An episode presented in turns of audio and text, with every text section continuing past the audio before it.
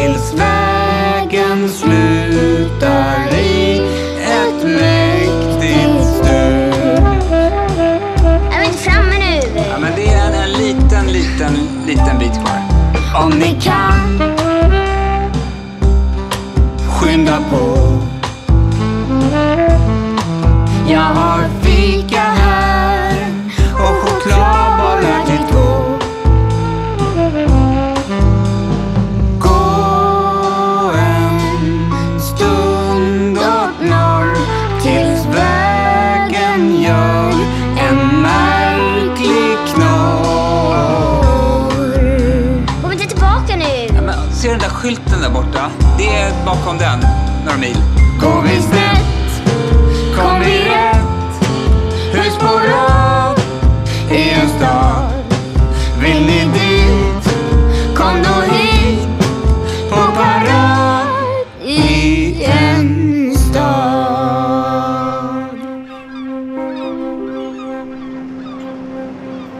I en stad, säkert likt en stad du själv någon gång besökt, bor en pojke. Jag ska berätta mer om pojken strax, men först så vill jag tala om staden och om stunden som vi befinner oss i. Det är sensommar och varmt. Riktigt hett. Det är en sån där sommar och en sån där hetta som gör att människor behöver kylas ner för att kunna fungera ordentligt. Staden ligger vid havet med hus som byggts tätt ihop huller om buller på ett brant berg strax ovanför vattnet. Det ser faktiskt ut som om en jätte tagit en stor näve hus och bara slängt dem på plats. Skulle man gå in i husen skulle man snabbt upptäcka att de allra flesta var tomma. Stadens invånare befann sig nämligen någon annanstans. Ja, på stranden.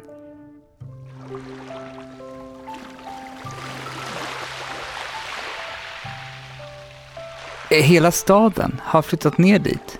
Det kan man förstå. De nästan bor där, i sanden. Från det att solen klättrat upp ur havets horisont tills det att den krypit ner igen bakom berget och gett plats åt månen och den svalare natten. Gillar man inte stranden, eller havet, eller bad och stök, ja, då håller man sig inne med gardiner igendragna och persienner nere. Pojkens mamma är sån. Och hon har aldrig gillat att bada.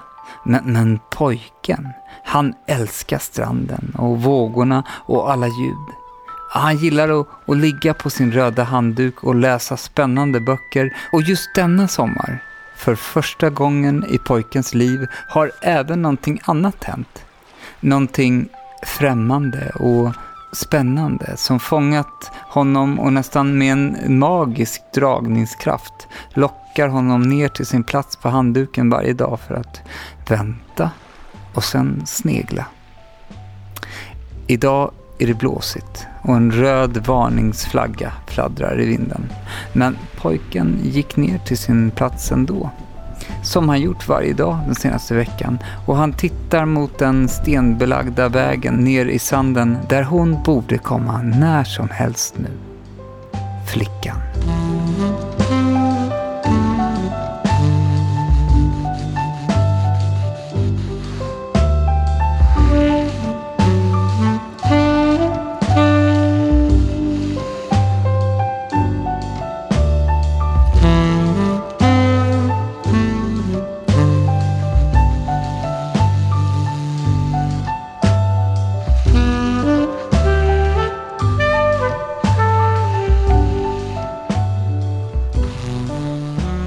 När en hel stad plus tusentals turister befinner sig på en och samma plats, ja, då är det lite rörigt. En öronbedövande kakafoni av ljudet ifrån vågor som slår mot stranden, av samtal som förs mellan olika grupper av människor som sitter i sanden. Någon fnissar, en annan skriker. Diskussioner pågår överallt och någonstans ifrån snarkljud ifrån en som då satt till i solen. Fiskemåsarnas härliga skratt där de cirkulerar ovanför strandcirkusen i väntan på att hitta någonting ätbart. Någonting kvarglömt och någonting som är lämnat helt utan bevakning. Folk bollar, studsar, plaskar, hoppar, springer, bygger. Försäljare vandrar stranden fram och tillbaka och ropar ut lockelser om vad för slags dryck och snacks som finns i den nedkylda låda de bär på magen. Och så pojken. Han låter inte mycket. Han lyssnar. Och han trivs bra i sålet och stöket på stranden. Han gillar att känna sig ensam i det. Det ger honom ett slags lugn och ro. När det är tyst och, mörkt, då blir han stressad och har svårt att koncentrera sig. Här nere är det annorlunda. Här kan han sitta stilla i timmar och bara titta på allting som händer omkring honom. Eller sträckläsa en spännande bok med bara korta avbrott då han tvingas ner i vattnet för att svalka av sig.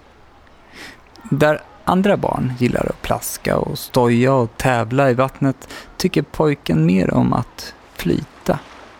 Sport och utmaningar är inte hans grej. Han finner mycket mäktigare äventyr i böckerna. Och han vill gärna fly iväg till de andra världar som döljer sig i sidorna så ofta det är möjligt. Men nu är det alltså någonting i den verkliga världen som lockar starkt. Kanske starkare än någonting han känt eller upplevt tidigare. Han såg henne för första gången för en dryg vecka sedan. Det var en blåsig dag med varma, kraftiga vindar. Han låg där nere på den röda handduken som vanligt och pillade förstrött med fingret i sanden med ena handen och höll boken han läste med den andra. Plötsligt så fanns flickan i hans synfält när han tittade upp för att byta blad. Hon var där några meter bort med sin stora familj. Ah, han kan nu, en vecka senare, minnas precis hur det kändes i magen och förresten även i hela kroppen ögonblicket deras ögon möttes. Det var sjukt. Det var mäktigt. Det var magiskt. Det var bättre än någon bok han någonsin läst. Mer spännande än det mest makalösa äventyr. Mer smärtsamt än den mest sorgliga historia. Hennes ögon var mörkt bruna och svagt tårade i vinden. Hennes hår flög fram och tillbaka. De kunde inte bryta blicken. Det var magnetiskt. Hennes pappa hade stått bakom och kämpat i vinden med ett stort parasoll som inte ville bli kvar i sanden. Det blåste nästan lika kraftigt som idag, minns pojken, och vinden drog och slet och vek parasollet upp uppåt och pappan hade verkat stressad och ropat på henne flera gånger, högre och högre. Flickan hade till slut motvilligt vänt sig mot honom och sen känt sig tvingad att springa dit. Annars hade de nog stirrat på varandra än idag. Pojken och flickan. Han visste omedelbart trots att han aldrig tidigare upplevt förälskelse, att det var precis det det var. Han hade läst om det i böckerna och han visste en sak till. Hennes namn, som pappan hade ropat om och om igen, hon hette Marisol.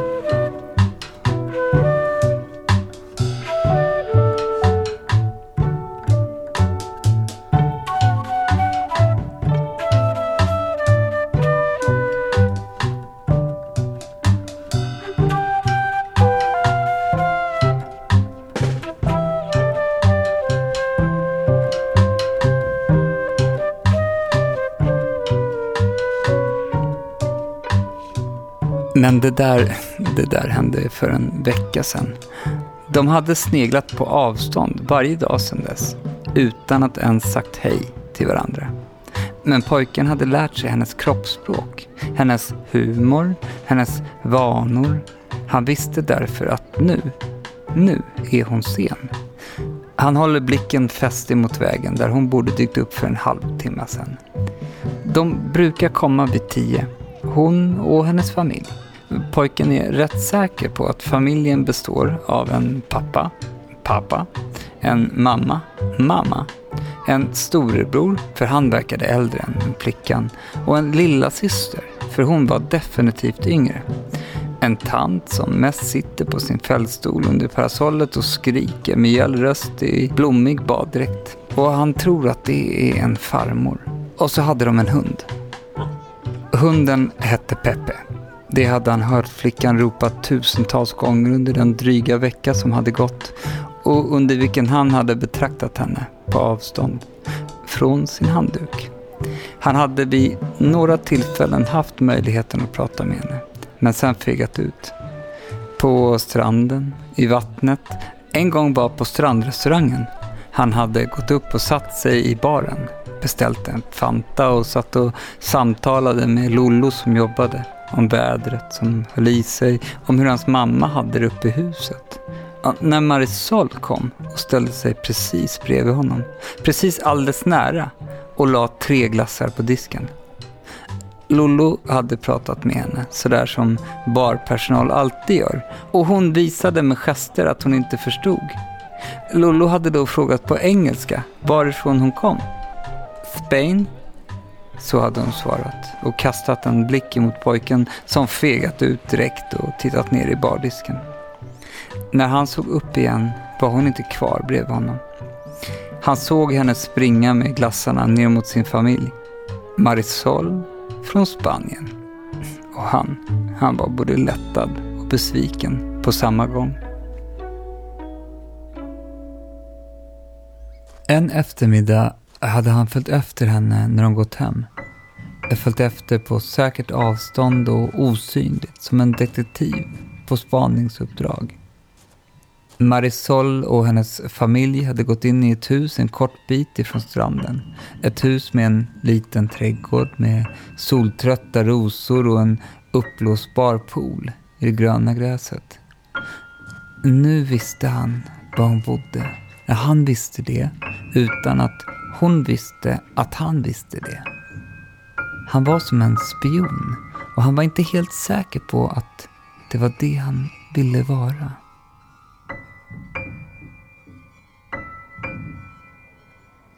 Vänta, nu kommer de. Där uppe på vägen. De kämpar med en, en stor luftmadrasskrokodil som man, som man aldrig sett förut. De skrattar för den, den starka vinden får krokodilen att blåsa iväg. Och alla att rusa efter. Var det därför de var så sena? För eh, krokodilens skull? Det blåser mycket idag. Lollo hade ju hissat röd flagg vilket betydde att man bara fick bada i havsbrynet, inte simma ut. Den starka blåsten var kyligare än vanligt, fläktande och efterlängtad av många. Det var ett tecken på att det skulle bli svalare. Nu när Marisol var på väg kunde pojken slappna av lite. När hon var på plats. Han visste att hon var en turist. Att hon skulle åka hem och åka ifrån honom. Varje morgon hade han den otäcka känslan i magen av att gårdagen var den sista gången han såg henne. Han visste att det skulle ske och han visste också att det bara fanns ett sätt att lösa den här gåtan på. Att låsa in skurken, att avsluta äventyret, att bli kvitt med oron. Han var tvungen att prata med henne. Men nu, nu var hon här. En dag till. En dag till av blickar, av, av fniss, av att låtsas inte se. En dag till att planera hur han skulle närma sig henne, öppna munnen och säga hej. Han undrar hur hon tänker. Om hon tänker likadant. Om honom. Kvällen innan, vid middagen, hade mamma varit jobbig och frågat en massa frågor om varför han var på stranden hela dagarna och aldrig hemma längre. Det var som ett förhör, fast med glimten i ögat. Som om hon redan visste precis vad som stod på, men ville få honom att berätta det själv. Hon hade säkert pratat med Lollo, den svikaren, för han hade sett pojkens blickar och leksamt retat honom för det.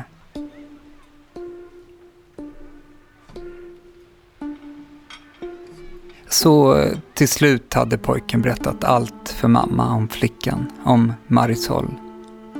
Marisol, hade mamma sagt och lät stort. Hm, vilket fint namn. Vet du vad det betyder? Pojken visste inte. Han hade inte tänkt på att ett namn kunde betyda annat än att bara vara ett namn. Hav och sol, hade mamma berättat. Mar i sol.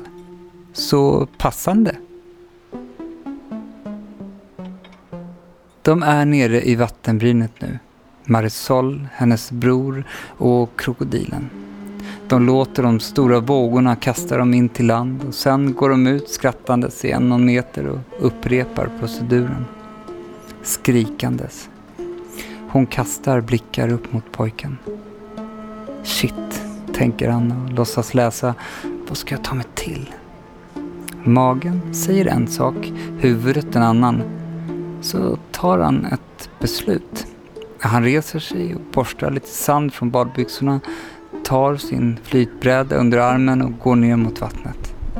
Någonting i honom tror att det här är rätt taktik.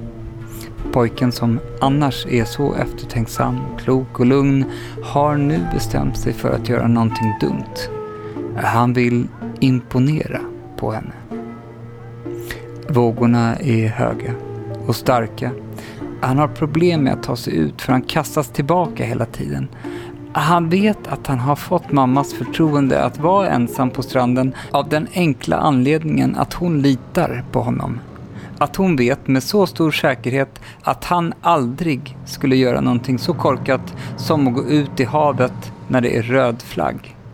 Inte ens när det är gul flagg. Han var en grön flaggkille. Hans äventyr finns i böckerna. Ändå står han här nu, i en storm, i havet, med en flytbräda av skumplast och frigolit under armen. I verkligheten. Och han ångrar sig, ja, bara lite sent. Därför ett ögonblick senare så brottas han ner av en kraftig våg och tappar totalt uppfattningen om upp och ner, om strand och öppet hav. Det hjälper inte att han kan simma, för det här havet är inte simbart. Han kommer upp till ytan, hinner ta ett halvt andetag och drar sedan ner igen. Kastas runt, tappar orienteringen ännu en gång. Brädan sitter fast med ett elastiskt snöre runt hans handled. Den flyger runt honom, slår till honom i ansiktet, upp igen, ett halvt andetag, ner, runt. Jag fixar det inte, tänker han. Jag är förlorad.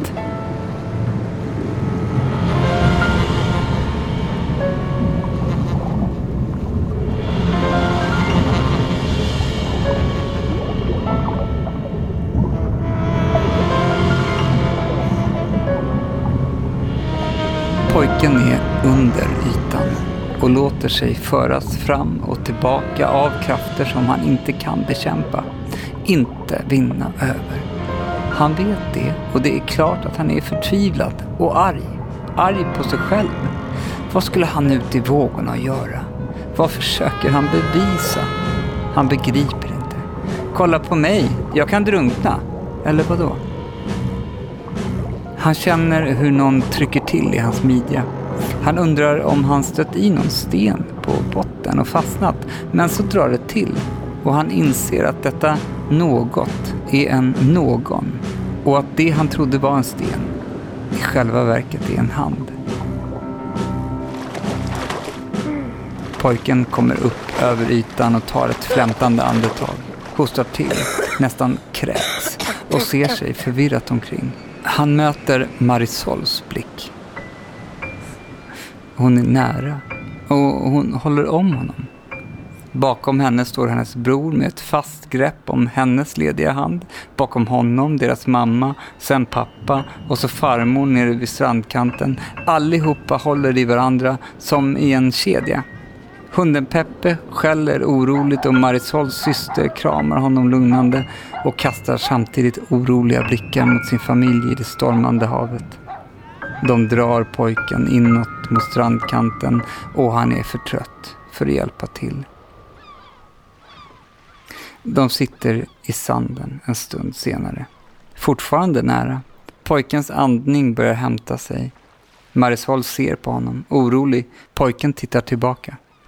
Ja, jag mår bra, säger han. I'm okay. Thank you. Han ler och säger prövande. Gracias.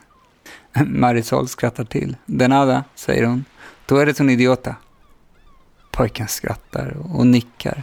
Han, han, tror att han förstår vad hon säger och han håller ju med. Han är en idiot. Eller betedde sig som en, åtminstone. Soy Marisol, säger hon sen. Pojken ser upp, härmar. Soy Kalle. Jag heter Kalle. Bakom dem har Marisols familj packat ihop. Vädret har hårdnat ännu mer och regnet hänger i luften. Sommaren börjar förlora fighten mot hösten. Marisols pappa står med parasollet ihopfällt under armen på stigen som leder bort ifrån stranden och ropar på henne. Hon ser dit, nickar och reser sig, borstar lite sand ifrån baddräkten. Adios, Kalle, säger hon och springer efter sin familj. Kalle sitter kvar och, och vänder blicken ut mot det rasande havet samtidigt som en första regndroppe träffar hans panna. Sen en till och en till. Ända tills himlen fullkomligt öppnar sig och regnet öser ner.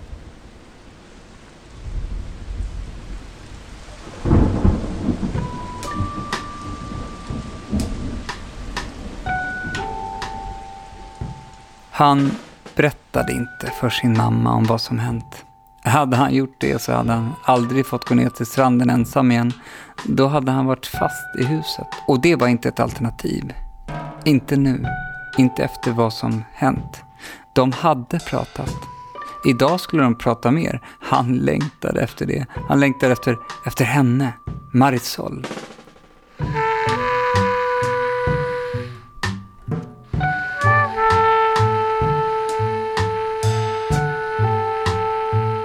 Havet är lugnt och solen skiner igen. Det är inte lika varmt längre, men ingen klagar. Kalle ligger på den röda handduken på sin vanliga plats, men han läser inte. Han stirrar alltjämt mot stigen där hon borde dyka upp när som helst. Han behöver inte smyga längre, inte låtsas. Han tittar ihållande, modigt och han ler och längtar. Men eh, hon kommer inte. Han väntar hela förmiddagen och vid ett-tiden så reser han sig och packar ihop sina grejer. Han går med bestämda steg upp mot hennes hus med en ond aning i kroppen. Ju närmre han kommer, desto oroligare blir han. Kalle kommer fram och ser in på gården. Rosorna står kvar, stärkta av gårdagens regn, men poolen är borta. Bara en gulnad cirkel på gräsmattan syns. Som ett minne av var den hade stått. Dörren till huset står på glänt och någon hörs dammsuga där inne. Kalle tar mod till sig och öppnar grinden till trädgården. Går över gräsmattan bort till dörren och kikar in. Hallå? ropar han lite försiktigt. Sen högre. Hola! En man rycker till av det högre tilltalet och vänder sig snabbt om slappnar av när han ser Kalle insvept i den röda handduken. Vad du skräms, säger han och stänger av dammsugan. De som bor här, är de inte hemma? undrar Kalle försiktigt. Nej, de har inte varit här på hela sommaren. De är i Grekland. Jag tror de har ett hus där, svarar mannen. Men det, det har bott en familj här, undrar Kalle. Ja, det här huset har eh, hyrts ut. Familjen som bodde här, de åkte hem idag, säger mannen. Hem? Var?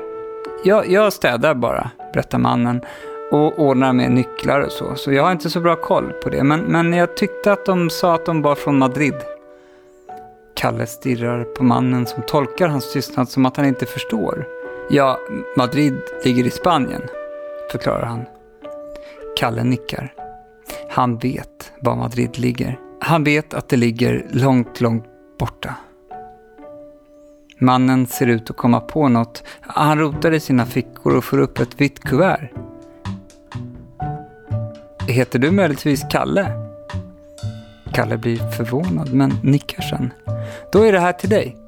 Flickan i familjen bad mig lämna det till en pojke som heter Kalle om han skulle dyka upp. Och det gjorde det. Mannen räcker Kalle kuvertet och Kalle tackar. Han vänder sig om och går ut i trädgården. Fortsätter upp mot vägen som leder till hans hus men han kommer inte så långt. Brevet bränner i hans hand. Han stannar och tittar på det vita kuvertet. Hans namn står på framsidan men det är felstavat med bara ett L.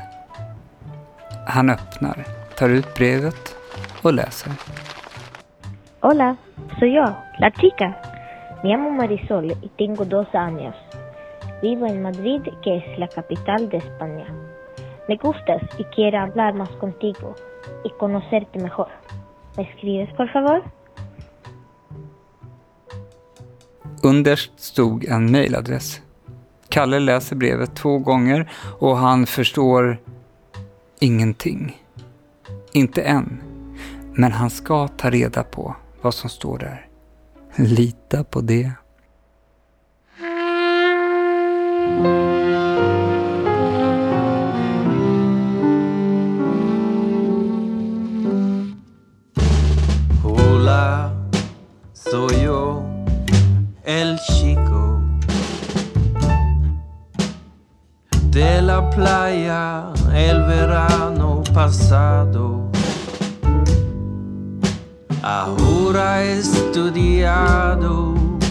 Español por un año para hablar contigo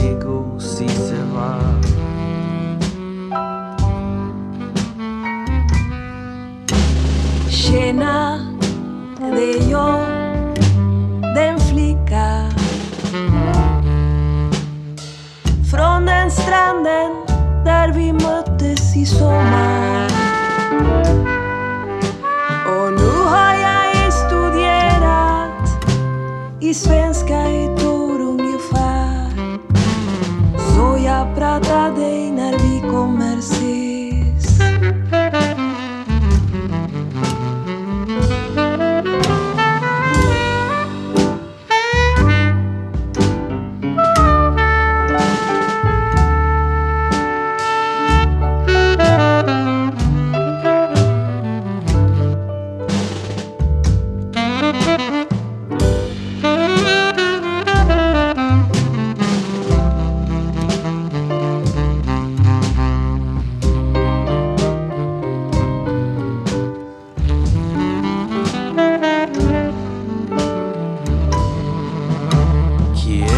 venir aquí?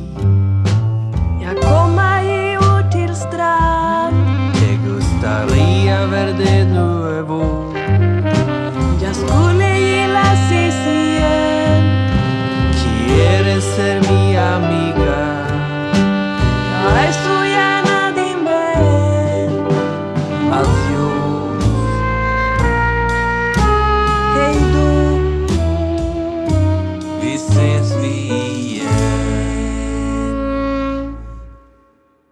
Hasta luego! Hej då.